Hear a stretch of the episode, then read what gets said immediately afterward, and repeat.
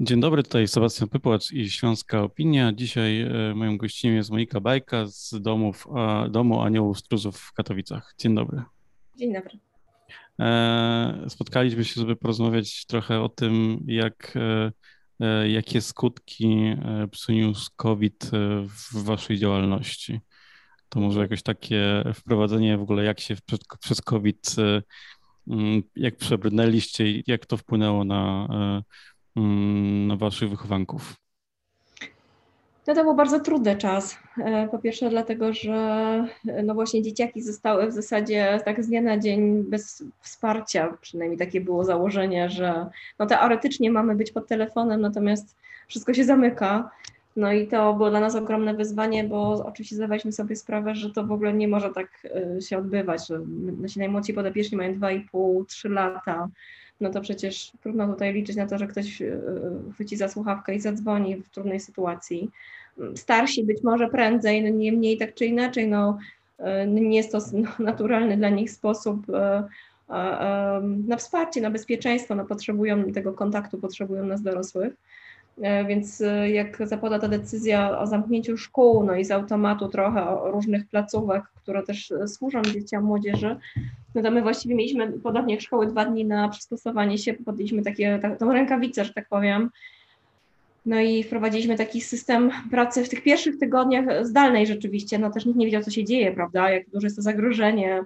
Nie chcieliśmy y, być zagrożeniem dla innych, ale też zespół był pełen obaw o swoje zdrowie, więc no to był taki moment destabilizacji dla wszystkich, ale jakby zaraz od poniedziałku, po tym, e, e, po, tym, po tej połowie marca, kiedy podjęto decyzję o, o, o lockdownie, że tak powiem, to no to przeszliśmy rzeczywiście do pracy zdalnej, 4 godziny zajęć codziennie z grupami, wszyscy wychowawcy pracowali na komunikatorach przeróżnych, plus indywidualne kontakty tam, gdzie czuliśmy, że jest taka potrzeba. No, kolejne miesiące to taka decyzja o wyjściu na ulicę. My prowadzimy placówki podwórkowe, takie placówki, gdzie workerzy są na zewnątrz, ale większość tych placówek naszych y, terapeutycznych to są jednak y, placówki wsparcia dziennego, czyli świetlice, kluby terapeutyczne. No i ci wychowawcy, pedagodzy, psychologowie, no co do zasady pracują stacjonarnie.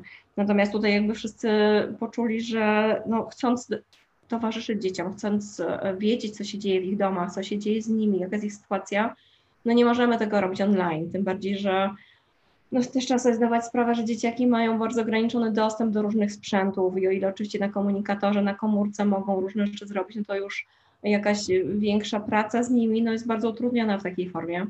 No i wszyscy poszli na ulicę.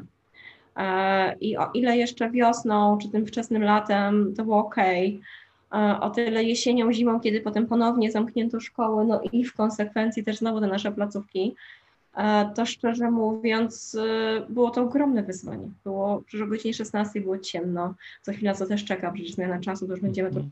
to zimno, e, śnieżnie, deszczowo, a ci pedagodzy brali po prostu rękawice, czapki, kurtki, plecaki na plecy, termosy z herbatą, latarki, no i uczyli się z dziećmi przez zimę na ławkach, na klatkach schodowych, no gdziekolwiek, żeby jakkolwiek dzieciaki nie zostały same. Więc powiem szczerze, że z jednej strony jestem taka dumna z tego, że wszyscy stanęli na wysokości zadania i wszystkie dzieci wróciły do nas po pandemii. Nie zerwały się żadne relacje, co jest ogromnym, ogromnym sukcesem, ale to jest taki trochę rok wyjęty z ich życia. Mhm. E, mówicie też e, tak dość jasno, że mm, to jest taki pokowidowy kryzys edukacyjny e, i ruszyliście z projektem edukacyjnym. Możesz trochę więcej o nim opowiedzieć?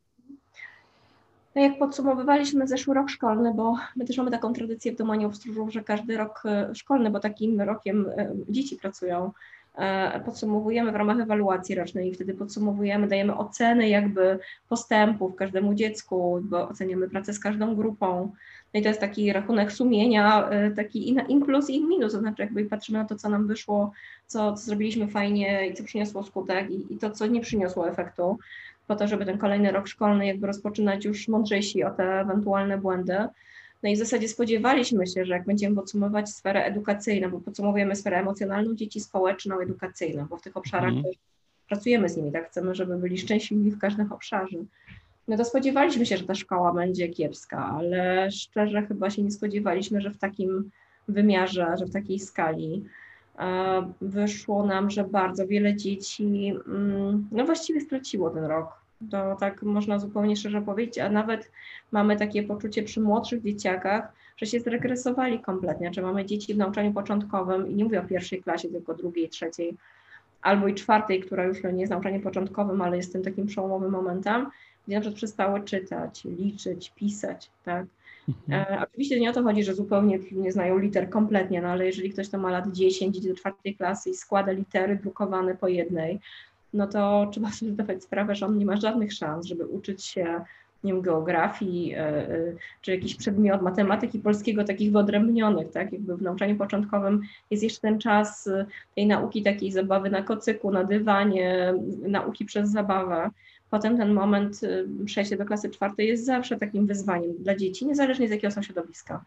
I teraz, jeżeli one nie mają oparcia, jeżeli ten rok tak naprawdę był właśnie takim rokiem raczej straconym, no to to, z czym się teraz zderzamy i z czym się zderzają się dzieciaki, to są takie duże braki, taka przepaść w zasadzie, no, że uznaliśmy właściwie od razu w lipcu, że kurczę, to prawda tego kompletnie nie planowaliśmy, no, nie mamy na to środków, ani jakiegoś super pomysłu, czy jakiejś logistyki związanej z organizacją takiego programu, no ale nie, byli, nie spalibyśmy spokojnie, gdybyśmy nie wypowiedzieli na tą potrzebę i nie zrobili czegoś, żeby dzieciakom trochę w tych problemach szkolnych pomóc.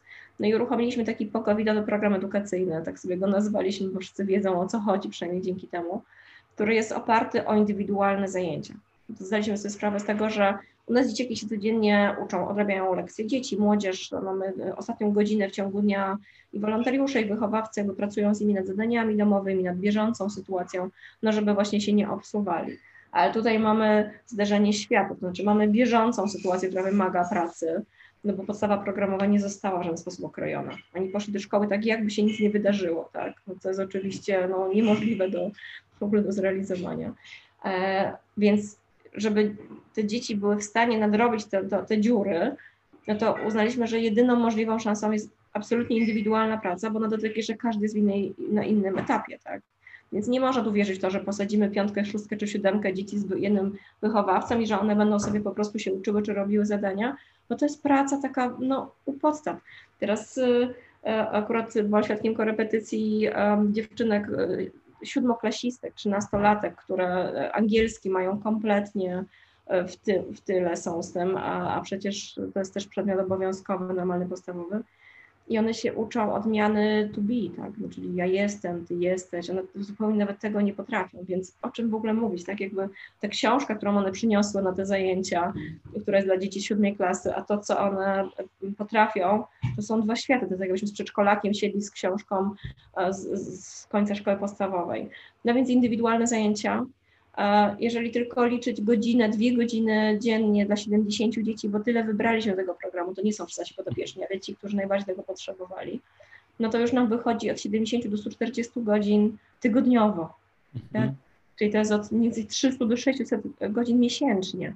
E, to jest ogrom e, e, lekcji, ogrom zajęć.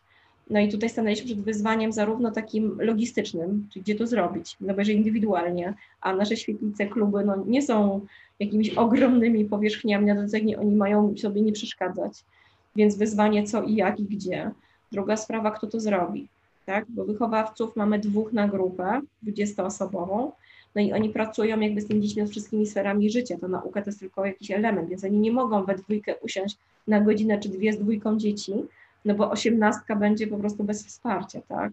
No więc oczywiście szukamy tak zwanych korepetytorów. To jasne, to, to, my tu jakby nie liczymy nie szukamy profesorów czy, czy kogoś, kto jest tutaj, e, prawda, e, tak potocznie zwanym korepetytorem, tylko raczej młodych ludzi, choć oczywiście to nie jest żadna bariera, to nie musi być młody, no ale zazwyczaj młodzi ludzie są w stanie bardziej albo wolontaryjnie się zaangażować, albo za jakieś nie za wielkie pieniądze, e, a ponieważ absolutnym warunkiem poza tą indywidualną pracą powodzenia tego programu jest to, że te dzieciaki muszą mieć stałość, tak? bo, bo wszystko, co one e, przeżywały w ostatnim czasie, to jest kompletna destabilizacja.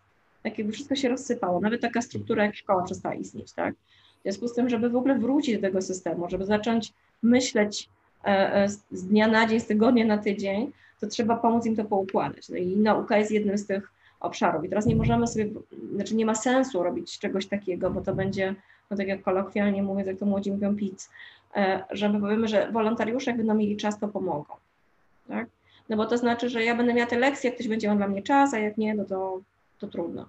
Więc e, postawiliśmy na to, żeby pozyskać środki, żeby ewentualnie nawet zapłacić ludziom za te indywidualne e, spotkania. 25 zł przyjęliśmy brutto, no myślę, to nie jest, to nie jest stawka korepetytora, ale to jest taka kwota, która pozwala młodemu człowiekowi może zamiast pójść do gastronomii, dorobić czy gdziekolwiek indziej, przyjść tutaj się zaangażować i naprawdę się zaangażować, czyli naprawdę być te dwa, trzy razy w tygodniu, naprawdę po te parę godzin z tym dzieckiem tą relację zbudować i z nim pracować. No i to się już szczęśliwie dzieje. E, oczywiście nie, nie jest w 100%, bo to też skręcamy cię połowy września, jak już jakby mm, zorganizowaliśmy się zarówno z tym miejscem, tutaj pomogły nam szkoły, znaczy może nawet nie nam w zasadzie, bo ja też jak rozmawiam z szkole, to tak prawdę mówię, że to jest nawet bardziej pomoc dla szkoły e, niż, niż pomoc dla nas, dlatego że szkoły dostały z e, wsparcia tak zwanych zajęć wyrównawczych 70 godzin do końca grudnia na całą szkołę tak? To jest 25 godzin mniej więcej, niecałe w miesiącu e, dla całej szkoły, a my organizujemy między 300 a 600 godzin w jednym miesiącu, więc to skala jest kompletnie nieporównywalna i wiadomo, że efektywność tego, no choćby dyrektorzy stawali na rzęsach, no nie może być e, e, skuteczna, bo no, po prostu dzieci nie potrzebują czegoś zupełnie innego. Mhm. Jakbyś mogła jeszcze opowiedzieć, kim są wasi wychowankowie i nie wiem, może jaką rolę e, dom aniołów pełni w im, ich, ich życiu? Czy, czy to pomaga im, e, nie, czy pomagacie im potem jak, trochę jakoś zaplanować tą dalszą edukację albo dal, dalszą przyszłość? E, dlaczego ta, to, to nadrobienie teraz tej edukacji jest tak ważnym zadaniem w tym w całym systemie? Mhm. No, Demania Wschód to jest takie miejsce, jak ktoś mnie pyta, e, prosi, żebym bardzo krótko powiedziała, kim jesteśmy, to mówię, że drugim domem. No i właściwie można by postawić kropkę. I każdy, kto, a każdy z nas się wychował w jakimś domu, e, a wielu z nas też tworzy nowe domy, że tak powiem, w swoim życiu. Jak się na chwilę zastanowi, to rozumie, że e, rodzic w tym domu to jest człowiek, który zapewnia jakby wsparcie dziecku we wszystkich obszarach życia. Tak?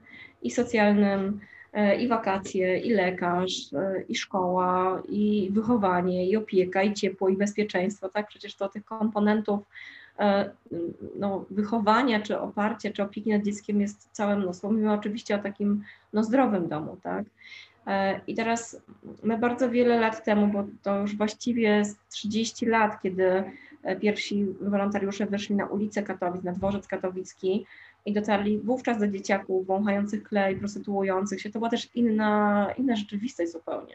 To dzisiaj młodzi ludzie sobie nawet tego nie potrafią wyobrazić, bo przecież były czasy sprzed Unii Europejskiej, sprzed dotacji, sprzed no, bardzo wielu e, rzeczy, które dzisiaj są oczywiste. E, więc i ta bieda też była inna. No, Katowice dzisiaj czy duże miasta nie są tak biedne, jak, jak, jak to było 30 lat temu. Niemniej e, ta bieda emocjonalna się nie za bardzo zmieniła. I my przez te lata zbudowaliśmy takie systemy wsparcia, lokalne systemy wsparcia. W Katowicach Załężu budujemy takie w Sosnowcu Juliuszu i w Chorzowie Batorem, e, czyli w dzielnicach poprzemysłowych. Tam, gdzie zamknięto kopalnie, huty, gdzie te społeczności, które żyły wokół jakiegoś zakładu pracy, no, zostały dotknięte restrukturyzacją, taką zmianą, która wpłynęła znowu nie tylko na to, że stracili pracę, tylko na cały status quo. No bo tutaj na Śląsku wiemy o tym, że no w zasadzie ta kopalnia to była taka kopalnia matka, taka żywicielka i to przecież nie chodziło tylko o pieniądze, ale w sobotę się jechało na pieczenie barana, dzieci jechały razem na kolonie, tak, y, y, na szychtę y, faceci jeździli razem autobusem i tak dalej, więc to jak się nad tym zastanowić, to często ktoś mówi, no co za problem, przecież były inne miejsca pracy, no po pierwsze w tamtym czasie nie za bardzo były, a mhm. po drugie to jest kwestia pewnej mentalności. Tak, jeżeli ja tworzę, jestem częścią jakiejś społeczności, i jestem też, e, mam takie doświadczenie, że ten zakład pracy jest właśnie takim trochę miejscem życia jednocześnie, to ja się w ogóle muszę nauczyć od nowa wszystkiego. Ja się muszę nauczyć odnaleźć na tym rynku pracy. Muszę się odnaleźć tym, jak ja mam organizować sobie czas pracy, e, płacić za mieszkanie, bo przecież e, też to ludzie mieszkali wszyscy w w, w pokopalnianych, e, czy kopalnianych jakby familokach, bardzo wiele mamy takich rodzin, które mieszkają w familokach po prostu, które były opłacane przez kopalnię, czy ściągane to było z pensji, ale w związku z tym nikomu się nie uruchamiało, muszę zapłacić czynsz do dziesiątego, tak, albo muszę zapłacić za coś, okej, okay, odbierano mi to z mojej pensji, ale też znowu nie o tym wcale nie, nie myślę. To trochę są, z jednej strony stare czasy, chociaż w Sosnowcu e, e, samorząd nas zaprosił do prowadzenia właśnie takich działań na rzecz dzieci, takich profilaktycznych, e, w dzielnicy, która jest zaraz za murem kopalni e, Juliusz, Kazimierz Juliusz, która została zamknięta parę lat temu, więc to nie jest taka zupełnie e, historia. No i teraz dzieciaki w tych środowiskach często się wychowują same. Rodziny bardzo mają dużo problemów, takich trochę dziedziczonej patologii, dziedziczonej biedy, dziedziczonej takiej dysfunkcji. Um, ja rzadko spotykam ludzi, którzy są źli. E, najczęściej spotykam ludzi, którzy mieli złe doświadczenia e, i nie za bardzo się nauczyli radzić sobie tak, żeby być mm, wystarczająco dobrym opiekunem i, i, opie i rodzicem dla swoich dzieci. E, I jak dzisiaj patrzę i nawet porównuję jakby te lata wstecz, to myślę, że naprawdę się starają ci rodzice, naprawdę. Ale pewne rzeczy są kompletnie poza ich zasięgiem. E, I często padają takie zarzuty, że no jest 500 plus, to w ogóle po co pomagać tym dzieciom? E, no przecież są zasiłki właśnie. Ja zawsze mówię, że gdyby pieniądz e, był rozwiązaniem problemów ludzkich, to wszyscy bylibyśmy szczęśliwi. Bo jeżeli za 500 zł można byłoby kupić szczęśliwą, zdrową rodzinę, życzyłabym sobie i nam wszystkim, bo prawda jest taka, że to jest dużo bardziej skomplikowane. Jeżeli ktoś dorosły, ktoś dzisiaj dorosły, ale jako dziecko nie doświadczył za bardzo miłości, nie doświadczył bezpieczeństwa, e, nie miał poczucia własnej wartości jako dziecko, bo, bo właśnie żył w takim środowisku, w którym no, nie był kochany, pożądany, to on naprawdę jest mu ciężko zbudować coś takiego dla swoich dzieci, nawet jak się stara. I to nie znaczy, że to się nigdy nie udaje, ale y, bardzo jest duży brak, więc jakby Domanius wchodzi w to miejsce uzupełnia ten brak, łączy się z tą rodziną, bo my nie chcemy zastąpić rodziców w żaden sposób, ale łączymy się z tą rodziną, pomagamy rodzicom stawać się dorosłymi, stawać się rodzicami, mieć pracę, tak, te wszystkie funkcje dorosłego człowieka jakoś realizować i wspieramy dzieci jednocześnie. Czyli nie czekamy, aż rodzice dojrzeją i, i się zmienią, tylko robimy to równolegle, ale też ich nie wyręczamy, tak? bo to też się czasem pojawia, że no przecież są rodzice, to niech sobie radzą, no tylko, że sobie nie radzą, więc oczywiście można stanąć z boku i e, krytykować, albo można zakasać rękawy i robić coś, żeby wszystkim się powodziło lepiej. Um, bardzo dużo też jest problemów takich, że dzieci nie potrafią, że jedna sprawa jest emocjonalna, ale oni też naprawdę nikt ich nie nauczył jako dzieci prawda? No i nie potrafią też w tej szkole pomóc dziecku. To jest tylko wycinek życia, ale nawet ta szkoła jest takim problemem, że bardzo wielu rodziców sami skończyli szkoły podstawowe, co po niektórzy szkoły zawodowe. Dzisiejsza szkoła, dzisiejsza edukacja, dzisiejsze wymagania to jest inny świat. No, pierwsze z brzegu, jak wziąć języki obce, no przecież to w ogóle jest y, przepaść, prawda? E, a dzisiaj duży standard, że dziecko się uczy, nieważne w jakim środowisku, nauczy się tego języka angielskiego, a od siódmej klasy języka drugiego to tu w ogóle nie ma opcji, żeby rodzic y, y, mógł pomóc. Więc dzisiaj mówimy tutaj o programie edukacyjnym, ale on jest w istocie elementem bardzo wielu oddziaływań, które muszą się naraz wydarzyć. A mówimy o tym dlatego, że no, sytuacja pandemii wpłynęła akurat na tą sferę bardzo dotkliwie. Mhm. Program leci dalej, szkoła leci dalej, życie leci dalej. Nie mamy stop klatki co może nie byłoby głupie, gdyby o rok tą całą edukację zatrzymać, okej, okay, teraz macie rok na nadrobienie. Tak, nauczyciele wtedy mają naprawdę przestrzeń i czas, żeby to z dziećmi zrobić. Kiedy mają 20-24 osoby w klasie, z czego na przykład nie mają siódemkę, ósemkę, takie, które naprawdę wymagają tego, żeby z nimi indywidualnie siąść i wszystko zrobić. Nie ma takiej możliwości. Dobrze, to taka pigułka, jak wesprzeć Was pokowidowy program edukacyjny. E, gdzie się udać i co można zrobić? Ja zapraszam serdecznie na stronę internetową anioły24 łamane przez po pandemii. E, tam są wszystkie informacje o programie i dwie rzeczy, które można zrobić, to po pierwsze można się zgłosić jako korepetytor tak zwany, czyli taka osoba wspomagająca e, lekcjami. E, a druga sprawa, która też jest bardzo potrzebna, to po prostu wpłacić fundusze, które, darowiznę, która pomoże nam to realizować, bo poza mm, zapłatą dla części korepetytorów, Dokupujemy też pomoce naukowe, kopiujemy karty pracy, książki, jakieś rzeczy, które też zachęcą dzieci do nauki, bo no, nie wystarczy usiąść z książką i powiedzieć, proszę, tu się uczymy, prawda? Jakby dobrze jest mieć różne mm, programy dodatkowe, może komputerowe, niektóre, które wspomagają jednak tą naukę. No a na to wszystko w ogóle nie mieliśmy funduszy, my tak jakby w ogóle nie planowaliśmy takiego programu, tu nie ma żadnego, żadnej dotacji, ktoś przyszedł, coś dał, e, tylko jakby wszystko tworzymy od zera, więc Więc mm, bardzo serdecznie zachęcam do wsparcia takiego też finansowego. Od tych 25 zł rozpo, rozpoczynając po, no ile kto może tak naprawdę, bo każda cegiełka tutaj się liczy. Także zapraszam na stronę internetową, bo to najprościej, tam można dokonać wpłaty, można się też zgłosić do nas, wszystkie te informacje tam się znajdują, czyli anioły24.pl e, łamane przez po pandemii. Pewnie to podlinkujemy. Dziękujemy. Monika Bajka była naszym gościem. Dziękuję bardzo.